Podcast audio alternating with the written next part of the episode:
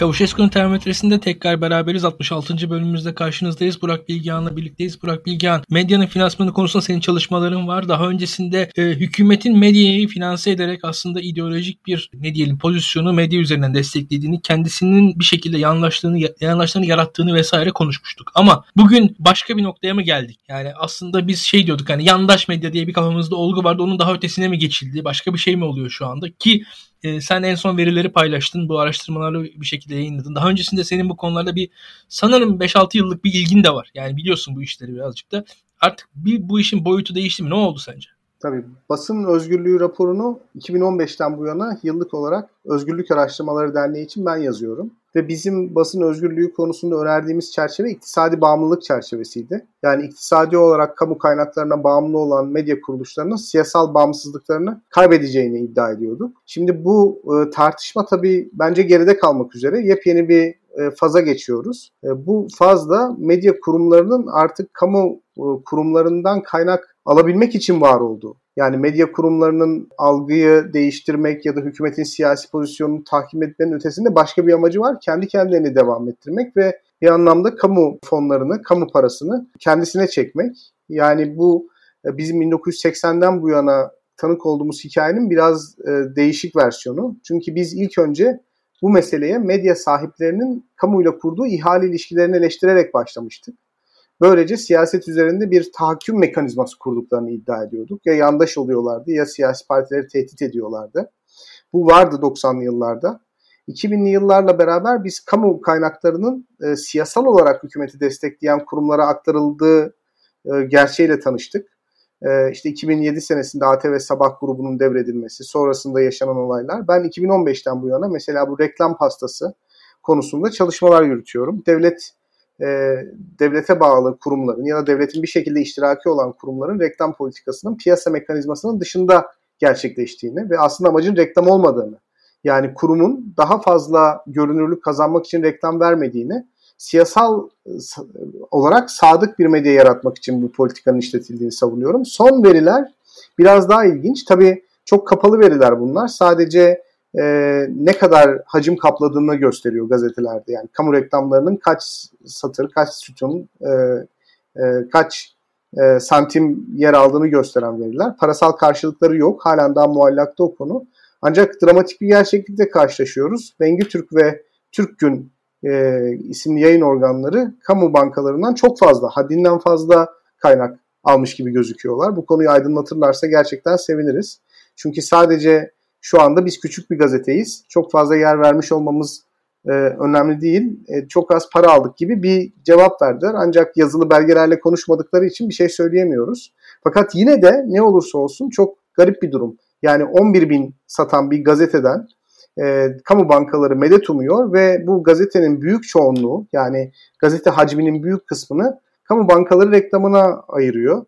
E, bununla beraber Turkuaz grubu tabii bunu sömürüyor. Yani kamu bankalarının e, reklamları ağırlıklı olarak Turkuaz grubuna gidiyor ve hükümet yanlısı medya diye bildiğimiz medya kurumlarına bu kaynaklar akıyor. Öte taraftan mesela Fox TV'ye bakıyoruz. En fazla izlenen ana haber bülteni. Burada kamu bankası reklamı yok. Şimdi bunun absürtlüğünü özel banka reklam sayılarıyla karşılaştırdığımız zaman anlıyoruz. Yani özel bankalar Star TV'ye, Fox TV'ye falan sürekli olarak Habertürk'e, Bloomberg'e e, reklam veriyorlar. Ama Türkiye'nin tek ekonomi kanalı, en çok izlenen ekonomi kanalı olan Bloomberg'e mesela kamu bankaları reklam vermiyor. Vermemiş. Ya bu çok enteresan bir şey. Demek ki kamu bankasının ya, görünür ol, olmak istediği kitle çok farklı bir kitle. Ya e, ben şöyle bir adım geriden bakacağım açıkçası olan bitenlere. Şöyle söyleyeyim. 1980'lerde ve 90'larda biz medyadaki e, ne diyelim şaibeli figürleri eleştirirken ne, ne ifade kullanırdık? çok net bir şekilde e, ihale takipçisi derdik. Yani nedir? E, kendi şirketinin çıkarlarını e, siyasetçiler üzerinden e, koruyan e, gazeteciler olduğunu söylerdik. Şimdi giderek bakın e, bu bir ihale takipçiliği noktası artık aşılmış durumda. Şu an artık medya figürleri e, klasik anlamdaki başka iş adamlarının ile yargı arasındaki e, aracılar konumuna gelmiş durumda. Bu e, işte Sedat Peker ifşalarının falan da bence biraz o açıdan değerlendirilmesi lazım. Yani klasik anlamda medyanın e, yani eskiden tartıştığımız neydi? Bir medyanın kendi gücü vardı. O gücüyle siyaset arasındaki orantısız, eşitsiz ilişki e, bir şekilde medya üzerinden e, o e, siyasal kayırmalarla karşılık buluyordu. Yani o, o yolsuzluğun karşılığı oradan çıkıyor. Şu an başka bir şey oldu. Medyanın artık konuda kendisine daha kendisi bir aracılık, bir broker pozisyonuna geldi medya figürleri şu an Türkiye'de. Yani bir, bir şekilde bir ihale takipçi yani şeyi geçtik. Yani patronun ihale takipçisi değil, kendisinin bir ihalesini falan da geçtik. Orada üçüncü figürlerle yargı arasında, üçüncü figürlerle siyaset kurumu arasında, bazen siyaset kurumu ile yargı arasında bir şekilde orada bir e, kendisine bir e, aracı e, pozisyon seçti medya diye düşünüyorum ben. Yani daha öncesinde gördüğümüzün farklı, yani daha öncesinde de gördüğümüz doğru bir şey değildi. Bakarsanız biz hani ne yani 80'ler 90'lar siyaseti işte o zaman tapeler falan da yayınlanmıyor. O da hatırlarsınız o hikayeleri yani. E, şimdi buradaki özellikle genç arkadaşlar Google'lasınlar görürler. Şu an artık medya figürlerinin e, şaibeleri kendi patronlarının ihalelerinden falan kaynaklanmıyor. Artık yani olay onu geçmiş durumda. Üçüncü figürlerin işte bakın hani FETÖ borsası, Sezgin Banan Korkmaz falan filan bu hikayelere bakın. Orada medya figürleri var. Orada niye medya figürleri var?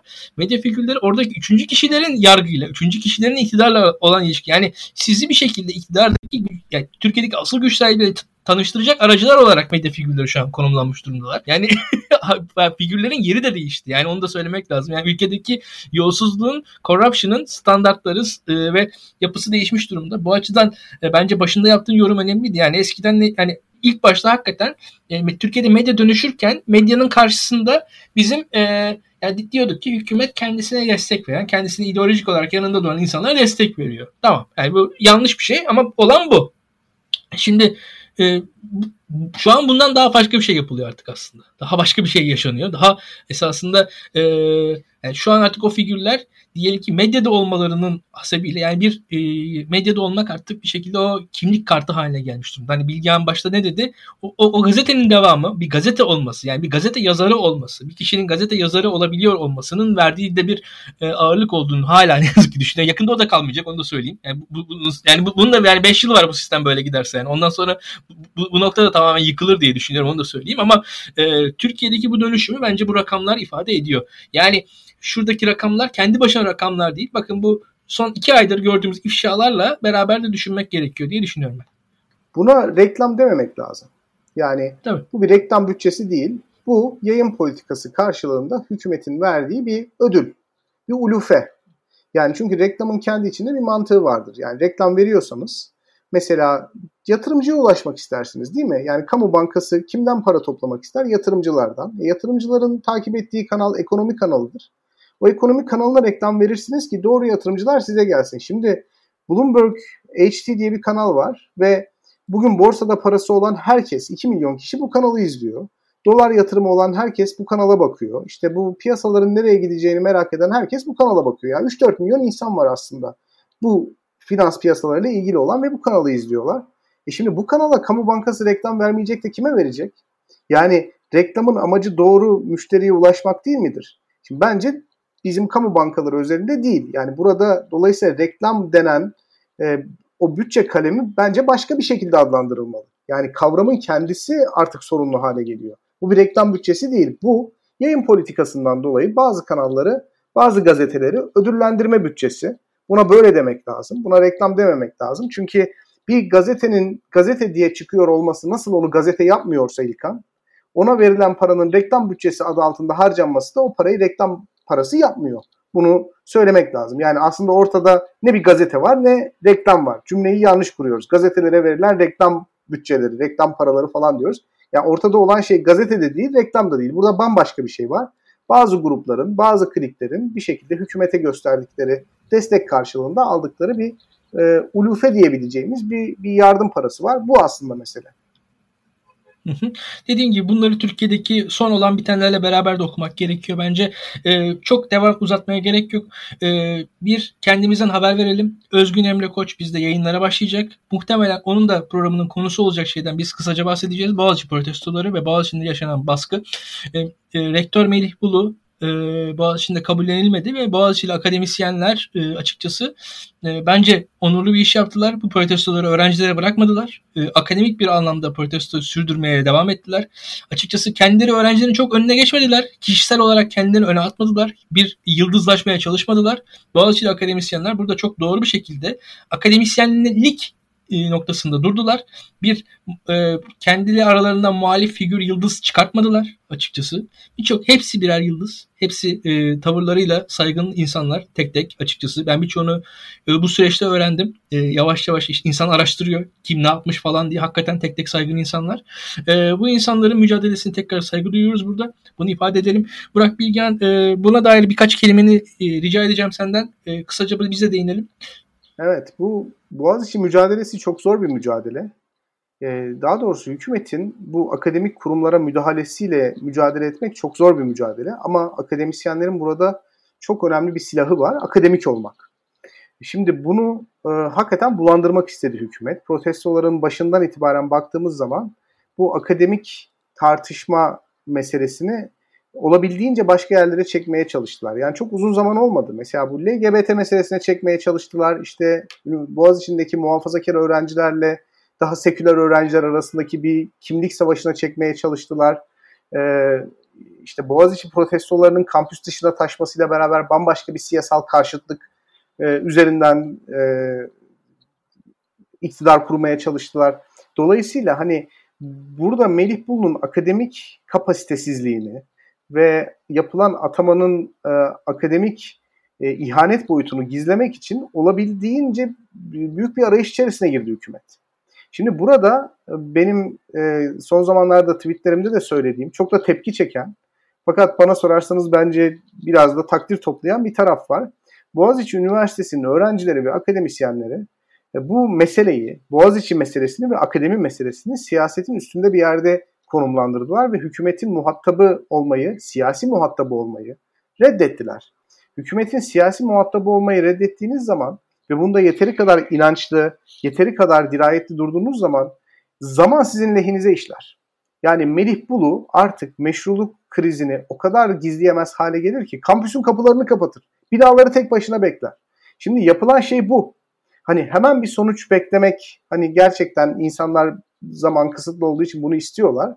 Ama hemen bir sonuç beklememek lazım bu konularda. Zamanla olacak. Bana sorarsanız bugün Melih Bulu bu meseleyi kişiselleştirmiş, bir şekilde idare edememiş ve meşruluğunu e, sağlayamamış. Birkaç ay içerisinde protestoların biteceğini düşünmüş. Daha sonra rektörlüğüne devam edeceğini hesap etmiş. Fakat beklediği olmayınca günden güne stresi artmış bir insan olarak arz endam ediyor.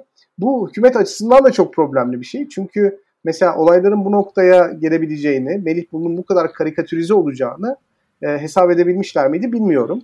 E, şunu, şunu unutmamak lazım. Yani hükümet her istediğini yaparım diyor. Bu tamam.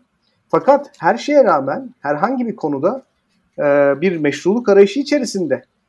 Yani bütün yapılar, bütün otoriter yapılar bir meşruluk arayışı, arayışı içerisinde. Baktığınız zaman Melih Bulu aslında e, kağıt üzerinde hükümetin ilk başta iyi akademik kariyere sahip olduğunu düşündüğü için oraya atadığı birisi. İşte geçmişinde Boğaziçi doktorası var, ders vermiş. Yani Melih Bulu'nun ilk savunulduğu nokta hükümet yanlısı oluşu değil, ilk savunulduğu nokta akademisyenliğinin iyi olduğu, tatmin edici olduğuydu. Yani hükümet onu beğeniyordu. Daha sonra meselenin böyle olmadığı ortaya çıktı. Öğrencilerin ve öğretim üyelerinin onu beğenmediği, onu bir şekilde meşru görmedikleri ortaya çıktı. Üzerine intihal meselesi çıktı. Ee, daha sonra ortaya konan siyasi oyunlar tutmadı. Hakikaten çok dirayetli durdular hocalar. Orada haklarını vermek lazım. Müthiş bir iş yapıyorlar.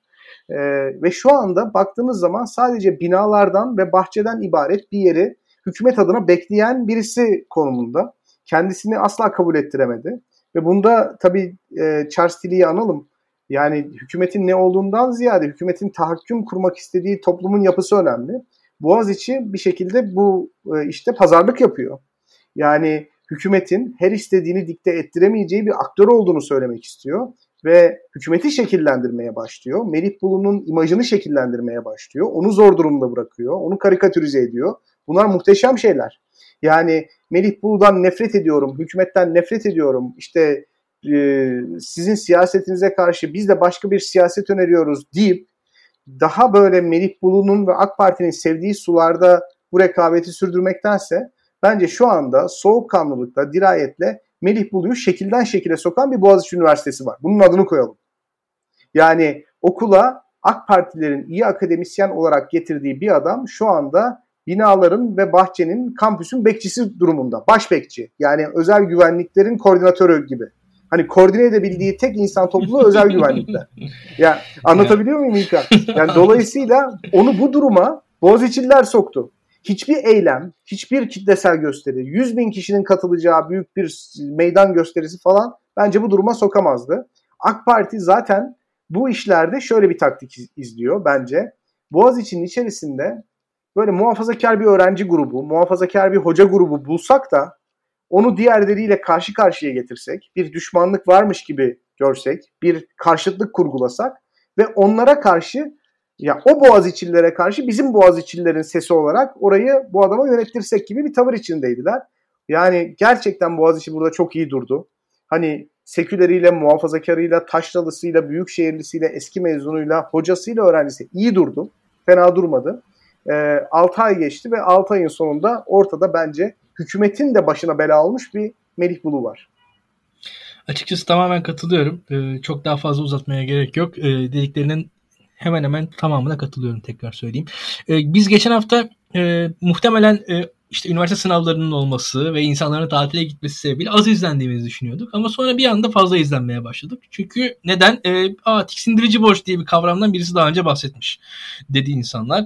Şimdi tiksindirici borç şu an geçen haftanın Türkiye'deki en popüler e, kavramı oldu. E, insanlar ekonomi literatürünü takip etmeye başladılar. Uluslararası hukuk bağlamında biraz okumaya başladılar bu işleri. E, Audio Step diye sen bahsetmiştin. Evet Şimdi e, Bilgehan bu e, tiksindirici borç ve Türkiye'nin geleceği konusunda, gelecekteki ekonomisinin e, bu borçlarla şekillenmesi konusunda e, daha çok konuşulacak belli oluyor. Yani e, bugün bakarsak ben biraz AK Parti hükümetini şöyle de değerlendiriyorum. AK Parti kurulduğu zaman Türkiye'de BDTK TMSF düzeni vardı. Yani bakıldığı zaman devlet özel sektörün çok ciddi şekildeki varlığına el koymuş durumdaydı fiilen. Şartlar tartışılır. E, ve bunları e, bir şekilde tekrar geri sattı devlet. Yani fiilen bir özelleştirme esasında yaptı ve bir şekilde çok büyük paraları kontrol etti. Onun arkasından gerçekten bir özelleştirme süreci yaşandı. Ve onun arkasından da yani bak, bakılırsa öyle ya da böyle büyük projeler yapıldı. Bir şekilde yapılan şeyler vardı. Şimdi biz bunları üst üste koyuyoruz. Ee, onun bütün bunların hepsinde milyar dolarlarla oynamaya fazlasıyla alışmış bir hükümetimiz vardı. Anlatabiliyor muyum? Fakat en sonunda şu var e, bu kadar milyar dolarlık işler yapıldıkça, bu kadar milyar dolarlık işler yapıldıkça o milyar dolarlık iş yapmaya alışan hükümet bir baktık ya milyar dolarlık iş bazen yok. Yani bu, bu işi yaratmak lazım. E, milyar, milyar dolar para da yok. Şimdi özelleştirecek bir şeylerin sayısı da azaldı. Yani işte milli piyangoydu özelleştirildi. E bundan sonrası özelleştirseniz aslında hani özellikle bir liberal olarak ya keşke diyorum da Ziraat Bankası'nı özelleştirmeyi hükümet istemez. Yani e, Ziraat Bankası'nın o tarz kurumlar zaten Türkiye'de özelleştirme orada durmuştur. Onu da söyleyeyim. Yani kamu bankalarına geldiği anda Türkiye'de özelleştirme durmuştur. Bunu da not etmek lazım. E, bu da Türkiye'deki sistemi anlatan bir şeydir. Yani kamu bankasına gel, gelindiği anda özelleştirme durmuştur ve bakın hükümetimiz bankalar kurmuştur. İşte ziraat katılım vesaire vakıf katılım bunlar kurulmuştur. Hatta işte iş bankasına dair tartışmalar geliyor. Hükümet o, o alanda büyümek ister aslında. E, devam edelim konuya. E, bu büyük paralarla oynamaya alışkın hükümetimiz e, baktı ortada para yok. Bu sefer geleceğe yöneldi. Yani kamu özel işbirlikleriyle beraber gelecekteki paraları satmaya başladı. Ve bu geleceğin ihalelerini vermeye başladı diye düşünüyorum ben. E, senin bu konudaki görüşlerin neler? Evet bu kamu özel işbirliklerinden de konuşmuştuk aslında. Geçen haftaki yayında e, bu Audio Step bir konuydu ama genel itibariyle bu işin e, aslında arka planından konuşmuştuk. Çünkü bunlar belirli bir süre için göreve gelmiş hükümetlerin kendilerinden sonraki kuşakları etkileyebilecek projeleri ve bunu yaparken konsensüs aramak lazım. İlginç bir şekilde Adalet ve Kalkınma Partisi diğer aktörleri meşru kabul etmediği için ve 20 senedir genel itibariyle bu ben yaptım oldu tavrıyla siyaset sürdürdüğü için hani bu projelerden e, muhalefet partileri ya da kamuoyu haberdar edilmiyor müzakereye açılmıyor. Kamusal tartışmanın bir konusu olmuyor ve kamusal tartışmaya girdiği andan itibaren o biraz önce bahsettiğimiz e, medya üzerindeki hakimiyet sayesinde mesele teknik tartışmadan çıkıp aşırı derecede saçma sapan bir yere gidiyor. Böyle normatif mi desem normatif de değil yani abuk sabuk bir şey mesela. Üçüncü havaalanının e, yapılmasını insanlar eleştiriyorlar. Çok fazla maliyet olacağını, eski havalanın iş göreceğini, daha ucuza mal olabileceğini falan tartışmak istiyorlar. AK Partililerin tepkisi buna muhalefet edenlerin uçağa karşı olması üzerine yani. Hani uçağa mı karşı, uçmaya mı karşısınız gibi bir şey. Yani şimdi bu kültürle tartışamıyorsunuz. Yani bu insanlarla e, ta, gerçekten tartışamıyorsunuz. Üstelik hani bir akşam 70 tane adamı, akademisyeni, bürokratı ya da işte siyasetçi televizyona çıkıp e, aynı şeyi söylettikleri zaman da tartışamıyorsunuz. E, ve teknik tartışmayı yapabilecek muhalifleri de televizyonlara çağırmıyorlar. Hani daha böyle e, muhalefetin pataklayabileceği tarzda, pardon iktidarın pataklayabileceği tarzda muhalifleri çağırdıkları için hani hiçbir şekilde kamusal tartışmanın konusu olmuyor. Ya bu Osman Gazi Köprüsü olsun, havaalanları olsun ya bunların hepsi aslında çok büyük meseleler. Yani bunların hiçbir tanesi e, kamusal tartışmanın bir konusu olmadı ve insan gerçekten hayret ediyor.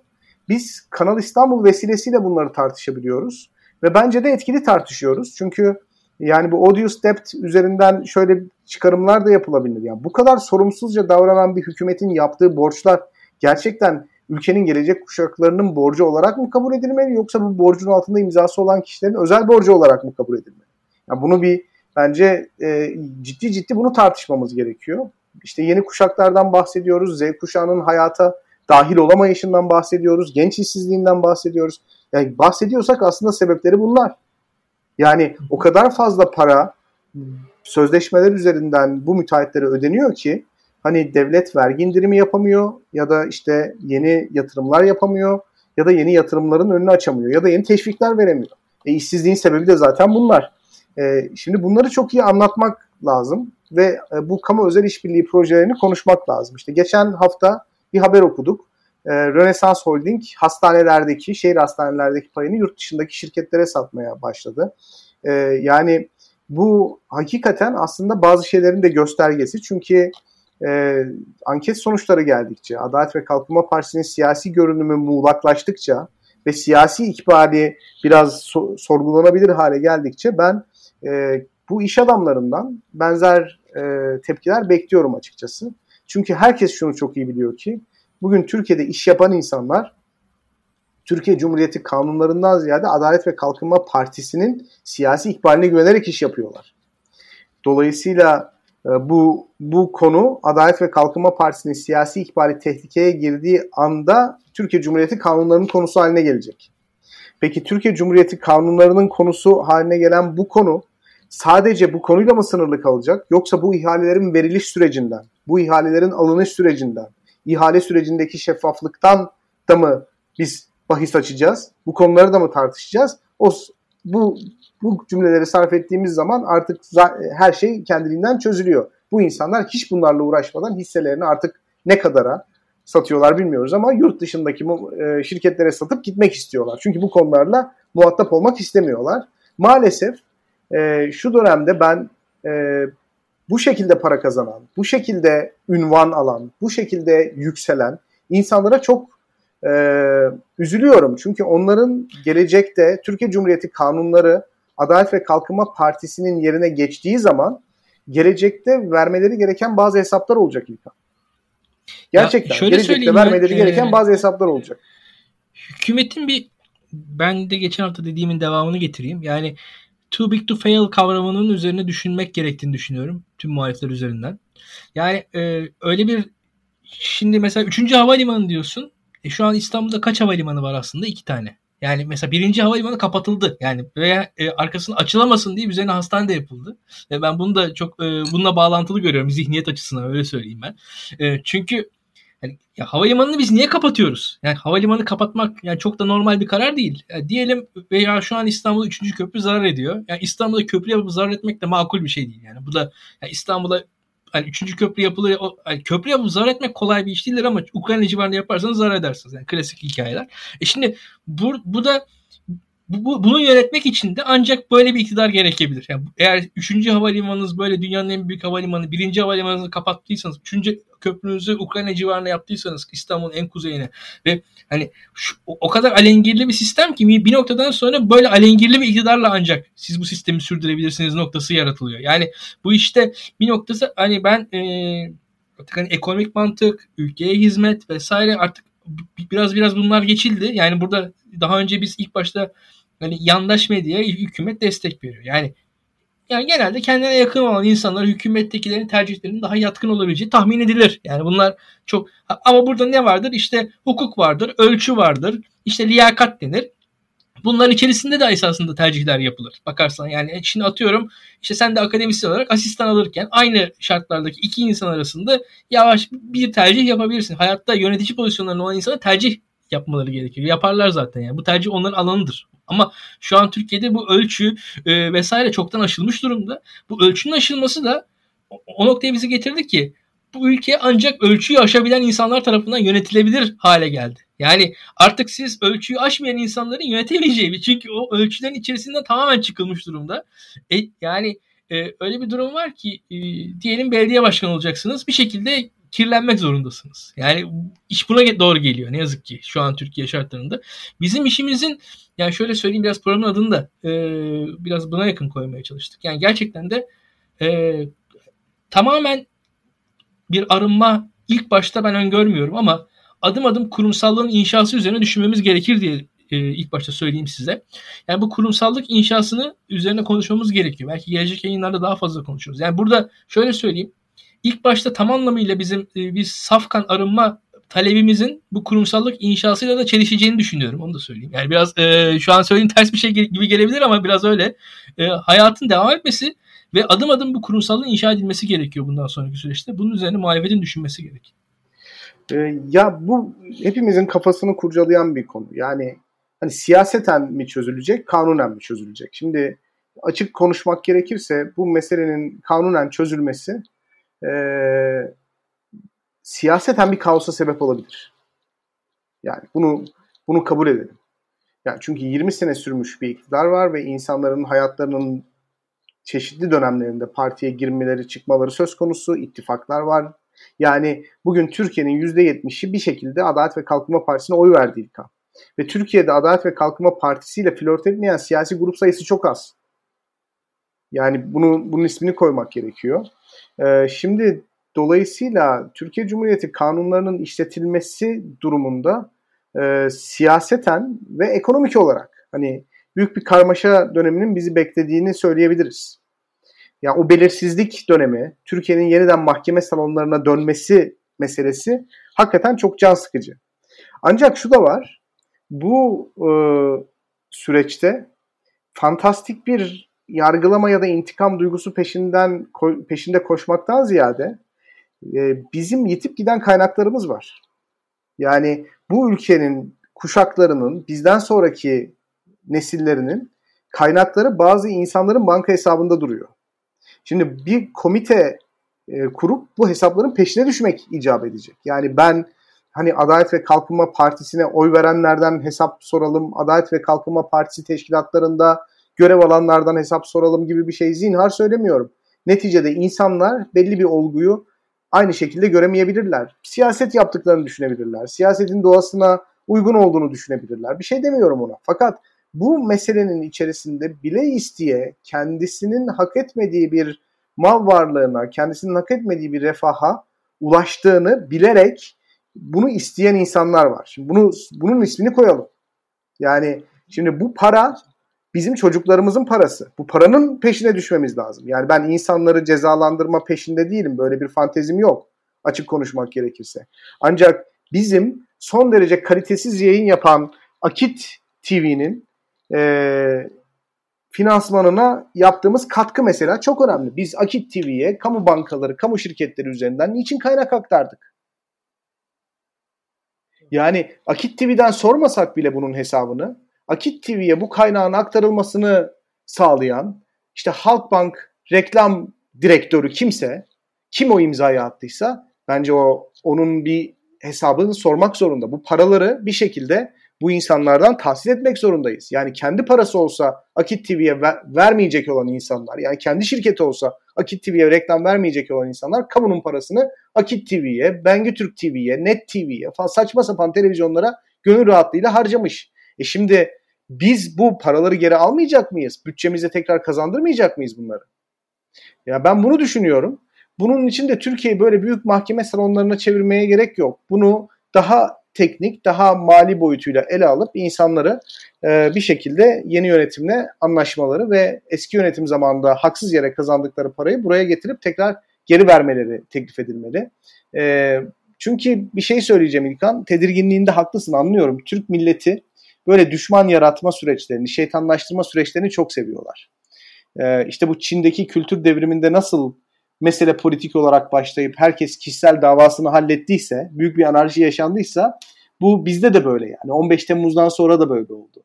Hani görüyoruz işte FETÖ borsası muhabbetini görüyoruz. İnsanlar beklemişler FETÖ diye bir örgüt devleti ele geçirsin. Ondan sonra darbe yapmaya kalkışsın. Millet korksun ki biz de Alanya'da bir otele çökelim. Ya şimdi böyle bir durum var ya. Türkiye'de o şeytanlaştırma üzerinden iktidar devşiriliyor. Anlıyorum. Yani yeni dönemde e, böyle bir atmosferin yaratılmaması gerekir. Yaratılmaması için her şeyi yapmamız gerekiyor. Fakat bu memleketin kaynakları peşkeş çekildi çok ciddi anlamda. Yani burada felsefi veya siyasi bir tartışmanın ötesinde pür, müstehcen bir peşkeş mekanizması var. Bu mekanizmadan dolayı bizlerin cebinden dışarıya sızan paralar ya da bir sonraki kuşakların ödemesi gereken paralar yeniden e, Cumhuriyet hazinesine geri dönmeli. Ben böyle düşünüyorum. Şimdi bir bir konudan daha hızla bahsetmek istiyorum. Ee, geçen hafta e, SETA'dan birkaç insanın istifa ettiğini, ayrıldığını öğrendik. Ee, biz de ilgiyle takip ettik, yorumlamaya çalıştık. Şöyle gözüküyor, iktidar içerisinde iç çelişkiler, ilk iç çatışmalar var. Ee, ve bu iç çelişkiler, iç çatışmalar işte bu Sedat Peker'in videoları üzerinden tekrar yaşandı. Mesela bu Sedat Peker'in videolarına dair Süleyman Soylu'nun yaptığı yayınlar üzerine BBC'ye ciddi ciddi e, açıklamalar yapan AK Partililer oldu. E bunlar işte hükümetten ve partiden dendi.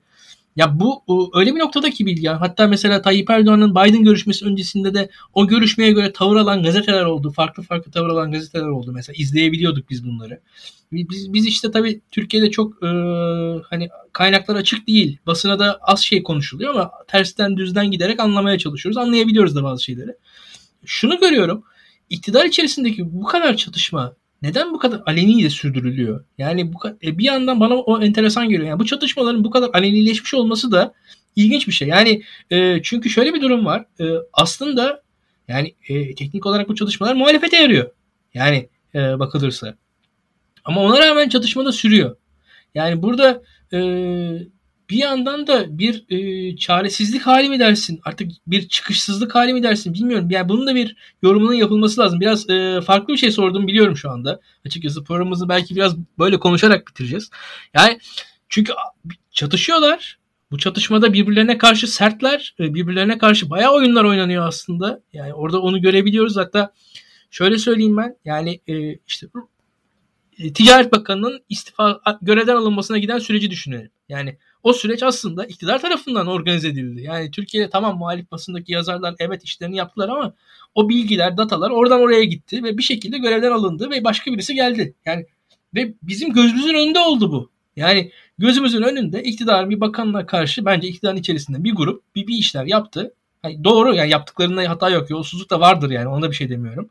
Ama yani sonuçta iktidar bunu kendi içerisinde sessizce halledebilecekken halledemedi. Yani tamam ya görevden alınır bir bakan. Hani görevden aldırın yani rica edin işte gidin e, kendiniz söyleyin bu bu kadını veya bu kişiyi görevden alın deyin. E, alınsın. Biz biz haberdar olmayalım mesela. Benim haberim olmadan bu işi halledecek bir organizasyon niye yok acaba? Onu da düşünüyorum bazen. Ben de düşünüyorum. SETA meselesi gerçekten enteresan e, ve e, hani her tasfiye olmuş AK Partili gibi e, Sayın Cumhurbaşkanı'na bağlılıklarını bildirerek tasfiye e, oluyorlar. E, bu enteresan bir ruh hali. Tabii herkes yani ne diyor o eski atasözünde yeteri kadar beklersen su mutlaka buradan geçer mi diyor. Böyle bir şey. Yani, yani yeteri kadar beklerseniz AK Parti meselesinde bir noktada bir yerden iktidara dahil olabiliyorsunuz. E, ama e, yani şöyle bir şey var bu SETA işinde. E, Türkiye'nin başına bence büyük problemler açan bir kuruluş SETA. Mesela bu çocuk savaşçı meselesi Amerika Birleşik Devletleri'nin istihbarat raporlarına SETA'nın para verip top e, para verip bölgeye gönderdiği araştırmacıların raporları sayesinde girdi. Ve e, bu raporu hazırlayan e, arkadaş tanıyorum. öğrencim. büyük, büyük bir e, yani büyük bir metodoloji hatası yaparak hem yaşlarını ifşa etti hem de örgüte hangi sene katıldıklarını sordu. Dolayısıyla çocuk savaşçı oldukları ortaya çıktı ve başka istihbarat servis, servislerine açık kaynak sağlayan e, kurum haline geldi SETA aslında yani. Hani birilerinin tasfiye olması değil, kurumun kapatılması lazım. Bana sorarsanız. Evet. Ya bu çok ya önemli bir, bir güvenlik sorunu. Gazetecilerin fişlemesi tarzı bir yayın da vardı. Yani evet. yayınlarına tek tek bakarsak sıkıntılı yayınlar var. Veyahut da bazı yayınlarda o bilgiler nereden gelmiş falan insanlar onu Tabii, düşünebilir. Yani bu, bunları çok şimdi biz hani biraz şeyiz bu işin nördüyüz yani okuyoruz ediyoruz o raporları. Bu, bu bilgi buraya nasıl gelmiş bir akademisyen bu bilgiye nasıl sahip olur diye sorduğumuz tabii. bilgiler de var o tabii, yayınlar tabii. arasında. Öyle şeyler yani, yani Tabii yapı çok fazla açık verdiği için ve aslında biraz da kaybettirdiği için tasfiyeye de açık hale geldi. Yani öyle söylemek gerekiyor. Yani güçlü bir SETA yapısı olsaydı e, yani SETA kendi akademik otonomisini e, koruyabilseydi veya yani gerçekten şöyle, tanımındaki gibi bipartisan bilmem ne o şey evet, evet. SETA'nın çok güzel bir tanımı var yani o tanımı insanlar okusun. yani bu tas bu tasfiye olmazdı. E bir de şöyle bir durum var İlkan. Yani gerçekten etkinliği çok sınırlı bir kurum haline geldi. Yani SETA uzmanlarının ben Twitter hesaplarına bakıyorum. Yani SETA uzmanları akademisyenlere konuşmuyorlar. Yani SETA uzmanlarının Twitter postlarının altı kahvehane gibi. Yani eğer kahvehane müşterisine konuşacaksan SETA gibi bir akademik kurum kurmanın ne anlamı var ki? Yani SETA'nın kurulma sebebi oradaki uzmanların akademisyenlere konuşması. Şimdi bu yani beni de mesela tam bir bully tarzda e, çok e, üstüme gelmişlerdi işte tam bu işten ayrılma sürecinde hatırlarsınız. E, yani ve adamlarda şöyle bir zihniyet var yani böyle normal hiç bu işlerle alakası olmayan insanların alkışını almak için her türlü non akademik işi yapabiliriz diyorlar. E o zaman niye akademik bir iş yapıyorsun ki? Yani kendileri bundan vazgeçmişlerdi artık. Yani herkes zaten beni istediğin zaman tasfiye edebilirsin gibi bir pozisyonda konumlandırıyor kendisini. Yani sen akademik olarak öyle davranmıyorsun ki adam bir akademisyene yaklaşırken duy, duyması gereken işte tedirginliği duysun. Duymuyor tabii ki. Dolayısıyla SETA bu açıdan oldukça zayıflamıştı zaten. E, bu tasfiye içinde iki tane klik arasında bir mesele olduğu söyleniyor. İşte Burhanettin Duran ve Fahrettin Altun. Altun. E, Burhanettin Duran Turkuaz grubunda biliyorsunuz. E, yani Albayrak ailesine daha yakın olduğu söyleniyor. E, Fahrettin Doğru. Altun ise şu anda e, bence e, disconnected. Yani e, Öyle. tutunamaz bir durum, tutunamayan bir durumda. Çünkü herhangi bir yerde konumlanamadı. Herhangi bir yerde cephe açamadı. Berat Bey'in istifası sonrası çok net bir tavır alamadı. E, ve e, şöyle söylemek gerekiyor. Yani Fahrettin Altun'un ortaya koyduğu söylem veya politikadan dolayı hükümet kazanamıyor. Yani günün sonunda şuna bakar Tayyip Bey. Yani bu adam bana kazandırıyor mu kazandırmıyor mu? İşte devamlı biz Süleyman Soylu'dan falan bahsediyoruz. Muhtemelen ona bakıyor yani. Süleyman Soylu bana kazandırdı mı kazandırmadı mı? Tabii. Yani aslında Süleyman Soylu'nun bu kadar tutunmasının sebebi kazandırıyor olması. E, ama Fahrettin Altun falan kazandırmıyor yani. Hani e, sürekli hatta kazandırmak bir tarafa öteki tarafı da çok konsolide ediyor. Yani e, o da Tayyip Bey için sorun değil. kazandırdığı sürece öteki tarafı konsolide etmesi de sorun değil ama e, çok maliyetli insanlar haline geldiler. E, o, dolayısıyla çok rahat tasfiye oluyorlar. Yani ben mesela Melih Bulu'dan başladık İlkan. Mesela şu konuştuğumuz insanlara baktığımız zaman bunların arasında tasfiye edilmeyecek. Hani en ufak bir faydasını göreceğini düşündüğü zaman Tayyip Bey'in tasfiye etmeyeceği kimse yok. Doğru. Ya e, şimdi Bilgen bir de ben şunu ekleyeyim hızlıca. Ben şey sorusunu sormuştum. Yani bu kadar e, çatışmanın alenileşmesi aslında e, bence bir de e, ta, üzerine konuşulması gereken bir şey. Sen yayının başında şundan bahsettin. Eskiden bu hani AK Parti hikayesinin kendi içerisinde en azından bir yandaşlık destekleniyordu. Sonra artık e, yani gazetecilerin formatı daha yandaşlıktan da daha öteye geçti. Yani o yandaşlık desteklenmesinin ötesinde yani bir ideolojik pozisyon, siyasal çizgi daha bir e, gri hale geldi. Daha şeffaf bir karışık bir noktaya geldi. Bulandı işler. Ve şu anda bizim bu kadar çatışmayı açık seçik görebiliyor olmamız da aslında bu, bu sürecin bir yansıma. Bu sürece paralel giden bir süreç. Yani eskiden hani ya tamam bizim bir grubumuz var. Yani tamam e, yüzde yüz ahlaki değil ama bir dava gibi en azından bir doğrultumuz var, bir çizgimiz var. Bu açıdan iş daha sessizce hallediliyor gibiydi. Şu an bakın sessizlik bile bağırarak söyleniyor. Ne kadar sessiz kaldıklarını bağırıyorlar falan. Ne kadar çok sessiz kaldık. Ben inanılmaz sessiz kaldım. Kovulmama rağmen hiçbir şey söylemedim diye 10 tane tweet atıyor adam. Yani tamam kovulduğunu ya tekrar üst üste üst üste. Şimdi bu bu da aslında bu sürecin e, yansıması yansıması demeyelim de yani bu sürecin aslında oradaki görünümü. Yani bizim aynı şeyin bir, bir taraftan bakıldığı zaman böyle gözüküyor, diğer taraftan bakıldığı zaman böyle gözüküyor. Burada böyle gözüküyor bu süreç diye düşünüyorum ben. Yani e, artık e, yani 2010'ların yandaş basını gibi bir şey de yok karşımızda. Başka bir yandaş basın var yani hani. Bu bambaşka bir şey hocam. Yani bu mesela milletvekillerinin yerine gazetecilerin televizyona çıkması. Ee, hı hı. Yani hem siyasal sorumlulukları yok ama hem çok partizanlar. Yani bugün işte televizyonlara çıkan adamlar AK Partili aslında. Yani AK Partili de değil yani e, Erdoğan için kurşun atar, kurşun yer durumdalar. Hocam, ama bir ben, sorumlulukları şöyle yok, söyleyeyim. hiçbir sıfatları yok. Ya kesinlikle yani şu anda biz gitsek bir AK Parti ilçe teşkilatına ya orada ya bu izleyenler kızacaklar belki de orada makul insan bulabiliriz yani açıkçası. Böyle orada yani bu ilçede ne yaşanıyor, sıkıntı nedir falan söyleyecek insan bulma şansımız bu gazeteciler arasında bulma şansımız daha yüksek olabilir. Daha yüksek yani, tabii tabii tabii. Ya bu insanlar bu insanlar hocam bu Kundera'nın Yavaşlık kitabında anlattığı bir bir hikaye var işte. Ne diyor? Ee, hızlı hızlı yürürken birden düşünmeye başlayan insan yavaşlar diyor. Şimdi AK Parti hikayesi biraz öyle. Ee, çılgınca koşan bir grup insan var ve bu insanların daha hızlı koşabilmeleri için arkadan gelenler tarafından ezilmemeleri için hiç düşünmemeleri gerekiyor. Hafif düşünmeye başlayan insan yavaşladığı için arkadan gelen kitle tarafından ezilip geçiliyor. Dolayısıyla AK Parti hikayesi düşünmemek üzere kurulu bir hikaye. Herhangi bir komutu düşünmeden yerine getirmek üzerine kurulu bir hikaye. Vasatlık, vasıfsızlık üzerine kurulu bir hikaye.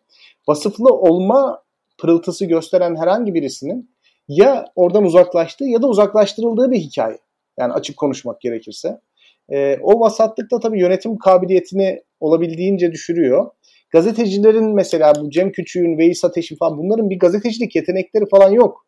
Ortaya çıkarttıkları bir dosya yok. Yazı, yazdıkları yazının bir entelektüel tarafı yok. Bir argüman geliştirdikleri yok. Ben Türkiye gazetesini işte birkaç tane yandaş gazeteyi okuyorum. Muhalefet partilerine PKK'lı FETÖ'cü demenin ötesinde hiçbir şey söylemiyorlar. Ya insan bir bir kıssa bulur, bir ne bileyim tarihi bir anekdot alır. bir yani biraz ders çalışır ya. Ya o da yok. Bir benzeşim kurar, bir filmden bir sahne yazar, bir romandan bir cümle yazar ya. Hiçbir şey yok. İnanılmaz bir şey. İlkokul kompozisyon ödevi gibi. Yani Mao döneminin ilkokul kompozisyon ödevleri gibi. Yani bu da böyle bir şey. Hani Kesinlikle. In, insan biraz zeki yaratıcı olur. Şimdi bu düşüyor. Çünkü düşmesi çok önemli bir fazilet. Ve bu adamlar sadece yeteneksiz değiller, aynı zamanda karakter sorunu da yaşıyorlar. Yani yeteneksiz olan her insan gibi hayatta kalmak için inanılmaz derecede karakterini esnetiyor bu insanlar. Bence bu ortaya saçılan işler, insanların birbirine artık çok vahşi bir şekilde saldırması, atılan iftiralar. Hani Ankara'da olunca duyuyorum ben bunların çoğunu. Hani hakikaten bu ekmeği için e, adam dişleyen insan profili var. Yani böyle hani o kadar sert birbirlerine giriyorlar. Onun dışarıya taşmaması çok mümkün değil. E, rant büyük. Kesinlikle öyle. E, bu haftalık bu kadar diyelim. 45 dakikaya geçirmeden yayınımızı sonlandıralım. Arkadaşlar yayınlarımızı beğenmeyi, yorum yapmayı unutmayın. Biz sizi merak ediyoruz. Kimsiniz, ne iş yapıyorsunuz, yaşınız ne, nereden yazıyorsunuz? Sizleri tanıyalım ki biz de size göre yayın yapalım birazcık. E, karşılıklı diyelim bu ilişkiler. Bu yayınlar interaktif. Beraberce konuşuyoruz, beraberce yazıyoruz. Öyle düşünün. E, Daktilo 1984'ü takip etmeyi, yayınlarımızı beğenmeyi, paylaşmayı unutmayın. Diğer yayınlarımız da güzel. Bu hafta Özgün Emre Koç yeni yayına başlayacak. Devri Sabık çarşamba günü. Onu da izlemeyi unutmayın. E, Şimdilik bu kadar diyelim. İyi geceler arkadaşlar. Görüşmek üzere. Hoşçakalın.